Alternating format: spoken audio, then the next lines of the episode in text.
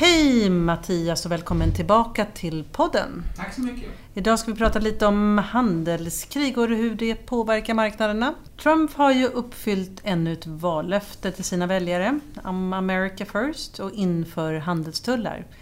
Kan inte du ge en liten uppdatering om läget? Jo, eh, jag ska försöka. Det är en stor fråga. Eh, den täcker mycket och många olika händelser. Jag tror att man ska komma ihåg, eller tänka på att Trump gillar att jobba med kaos. Ja, det kan man väl kanske Ja, men allvarligt. Om man, man läser om hans historia så, här. så jag tror, om man tänker på det så kan man se lite grann det här, hur han agerar här. Och, så, och han, han jobbar med kaos och så är han alltid i förhandling. Så man kan ju tänka på det när han kastar ut, ja, ska han tull? Jaha, ja, då ska den drabba oss? Ja. Nej förresten, ni får undantag. Fast inte hela tiden. Och så håller han på så, fram och tillbaka hela tiden. Alla är skitstressade och vet inte vad de ska tänka eller vad de ska tycka. Uppdateringen är ju att han hade det som ett vallöfte, vilket ju, så det är helt rätt. Och han har en otroligt naivistisk syn på det. Ett handelsbalansunderskott är per definition dåligt och innebär att landet som har ett underskott förlorar. För de har ett rejält underskott, eller ja, ja, i dollar är det jättestort, men det är en stor ekonomi, så så stort är det ju inte som procent av BNP. Då är det så här 3-4 procent. Så det är inte så hisnande. Men i dollar blir ju allting stort, naturligtvis. Och eh, allting med underskott är dåligt och ett land som har underskott förlorar. Det är inget som riktigt förstår vad han menar, tror jag. Och det finns liksom ingen akademisk grund för det. Sen ska man komma ihåg en annan sak. Hans olika mål är oförenliga. Så om han säger så här, jag ska sänka skatten och få upp tillväxten och få bort handelsunderskottet, så hänger det inte ihop. För om man har en ekonomi, om man har ett underskott i handeln eller relationerna med omvärlden, då har man ett för lågt sparande. Det enda sättet att få bort det är då att höja sparandet i ekonomin. Till exempel genom att minska offentlig konsumtion eller privat konsumtion. Om man sänker skatten, då minskar man sparandet ytterligare i ekonomin. Han, kommer han trycker ju gasen i botten.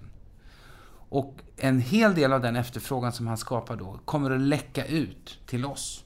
Det är därför vi är så positiva på, på det globala konjunkturförloppet. Men han kommer ju inte få ner handelsunderskottet. Han kommer ju få upp handelsunderskottet. Men tanken för honom kanske mer är att man ska handla amerikanska varor? Ja, just det. Men eh, du kommer ändå läcka ut efterfrågan på något sätt.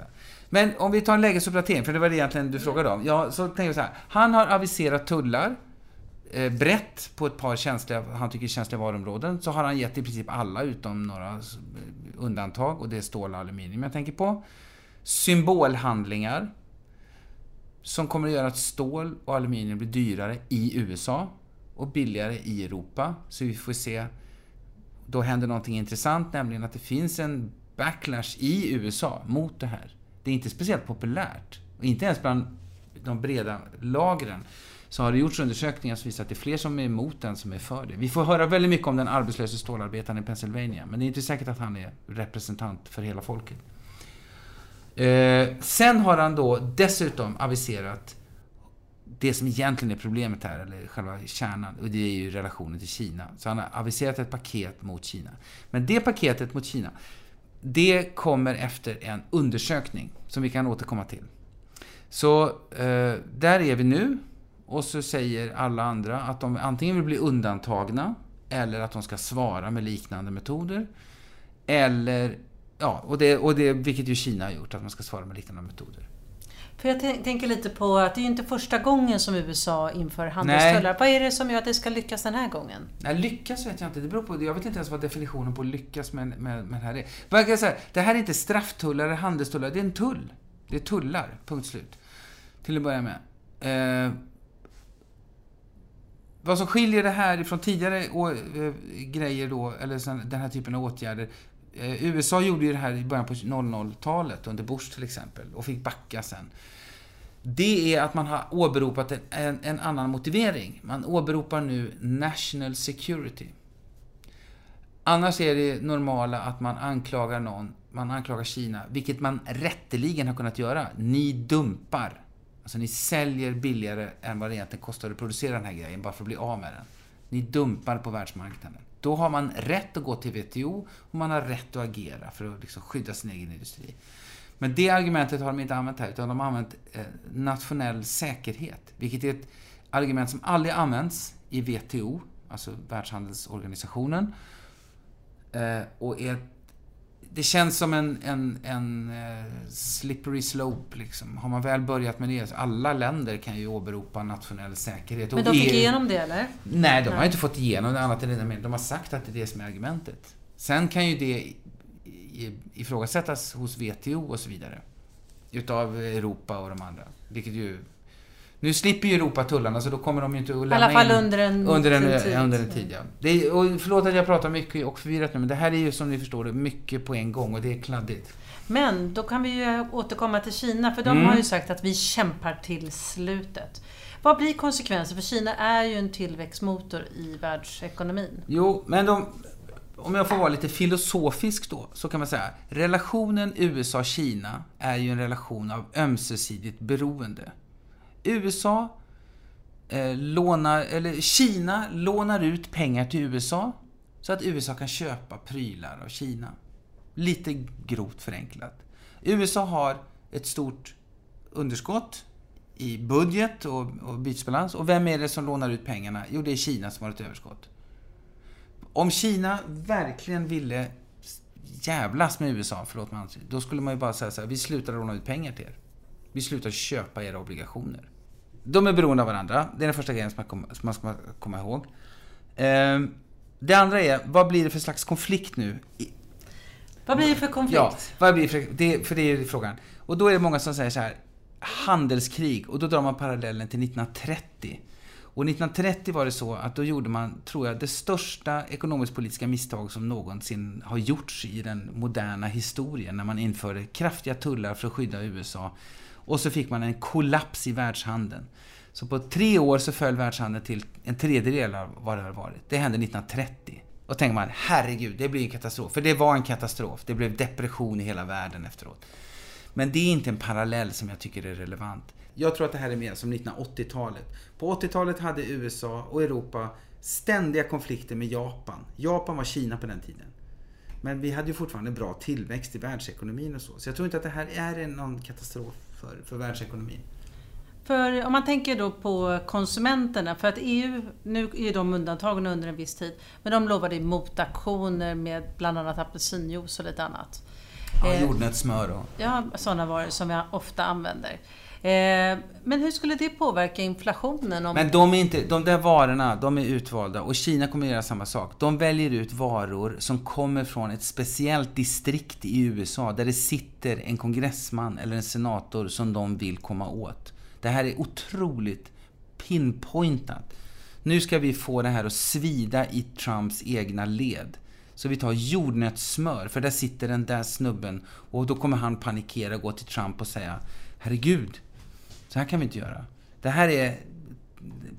Det är småsummor och små grejer för att skicka budskap till varandra. Om, om Kina verkligen ville göra illa i USA, eh, då skulle man till exempel säga vi slutar köpa sojabönor. Då skulle hela delstater i USA plötsligt stå inför en katastrof.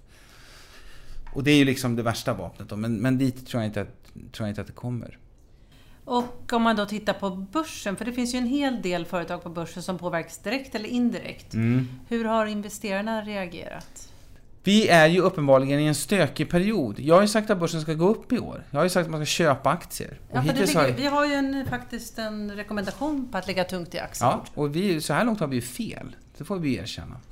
Så vi ligger back. Men jag säger samma sak fortfarande. Jag tror att det är tre saker som har stökat till på börsen i år. Först ska man säga så här. Det är inte så konstigt att det är lite stökigt på börsen. Det är nog konstigare så som det var de två föregående åren. Att det var totalt kolugnt på börsen och den här volatiliteten som vi pratade om knappt fanns. Det här är väl lite grann mer kanske som det brukar vara, att det kommer grejer. Men det är tre saker. Det är inflation, det är handelskrig och det är tillväxt som man är orolig för.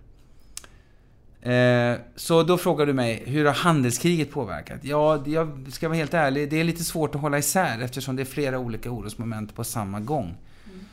Jag tror att det kommer att lugna ner sig, eller jag tror att börsen kommer att sluta på plus, därför att jag tror att det här kommer att bli ett väldigt bra år för tillväxt och vinster, vilket egentligen i slutändan är det som är relevant då. Men det hindrar ju inte att under tiden så kommer det liksom flyga in orosmoment hela tiden. Japan gör något utspel, Kina gör något utspel, USA gör något utspel. Så hur har det påverkat börsen? Ja, det är alltså... Det är alldeles uppenbart att det, från tid till annan så har det ju lett till att folk höjer riskpremien. Alltså estimaten, om vi tar USA-börserna. Vinstprognoserna har ju gått upp kraftigt. Och BNP-prognoserna har ju gått upp kraftigt. Så man kan säga att vi har ju höjt riskpremien och tagit ner multiplarna. Vi har, vi har ju tagit ner värderingarna i börsen, för vi är mer oroliga. Det är en, en, politisk risk i det här. Vi kan inte bedöma det här. Det här är jättesvårt. Vi vet ju inte vad slutpunkten är. Eh, och, och, så, så det har en sån effekt. Och sen så påverkar, jag menar, Boeing har tagit stryk. Därför att Boeing är en sån där en amerikansk exportprodukt som man tänker sig skulle ligga risigt till om Kina verkligen på allvar ville skada USA. Men vad sägs om de svenska stålföretagen?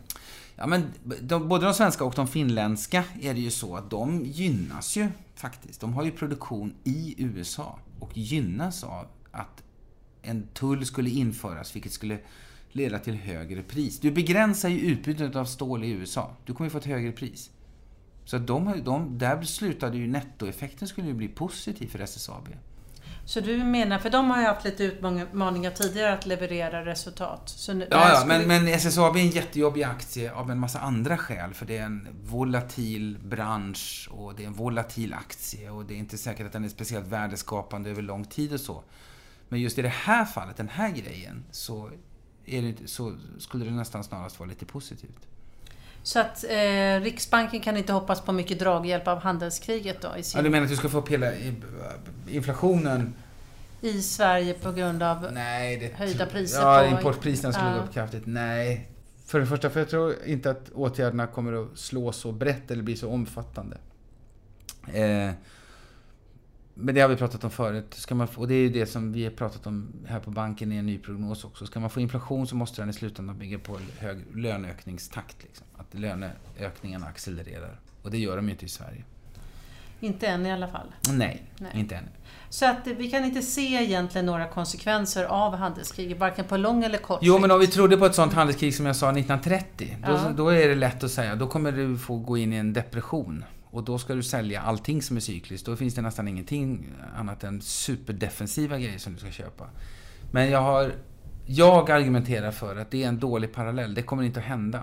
Jag, det, det, jag tror inte att det kommer hända av, av, flera olika skäl. Utan jag tror att det blir mer som på 80-talet. Och då är det andra saker som överskuggar. Och i hela det här spektrat av det som Trump håller på med så kommer jag tillbaks till de här skattesänkningarna och utgiftsökningarna finanspolitiken som är extremt expansiv i år och som jag tror kommer i slutändan överskugga. För jag tror att vi kommer få en väldigt stark tillväxt i USA. Oavsett om han inför en tull eller två. Och min sista poäng som man ska ha i bakhuvudet när man ska prata om det här, det är att man, ska inte, man, ska, man kan säga så här att det som Trump gör är fel. Det är det. Men att han gör det är inte säkert att det är helt fel. Därför att det, det grundproblemet är nog ändå att Kina har ett dåligt track record. De har ägnat sig åt dumping utav stål och de har nog varit lite tveksamma när det gäller det som vi kallar för intellectual property. Alltså de har snott och teknologi. Ja, precis. Ja, ja. Så det är inte helt fel att det, att det kommer en reaktion. Reaktionen är fel, så att säga, hur den är utformad. Men det är inte, att den kommer är inte helt fel. Jag brukar alltid fråga dig vad du tror om börsen. Så att även om det har varit väldigt turbulent och vi har haft lite fel i vår bedömning. Hur ser det ut framöver? Vad tror du? Jag tror att det kommer att vara fortsatt stökigt. Eh, men jag tror att vi går in i en väldigt stark rapportperiod i slutet på april. Eh, och sen så tror jag att den här lilla försvagningen som vi ser i europeisk konjunktur, som också har stressat folk, det har vi inte pratat så mycket om nu, kommer att vända upp igen till sommaren. Så att jag tror att eh, vi kommer sluta, jag tror att det här är, vi kommer sluta börsåret på plus. Tydligt plus. Så du tycker att investerarna ska titta på Europa? nej, nej, jag tycker, ja, jag tycker, nej det vet jag inte. Jag tycker investerarna ska försöka fokusera på vad som händer med vinster och tillväxt. Det är det väsentliga. Då får vi återkomma i nästa podd och prata, Ja, prata om just det. Det ska vi göra. Tack för idag. Tack. Hej.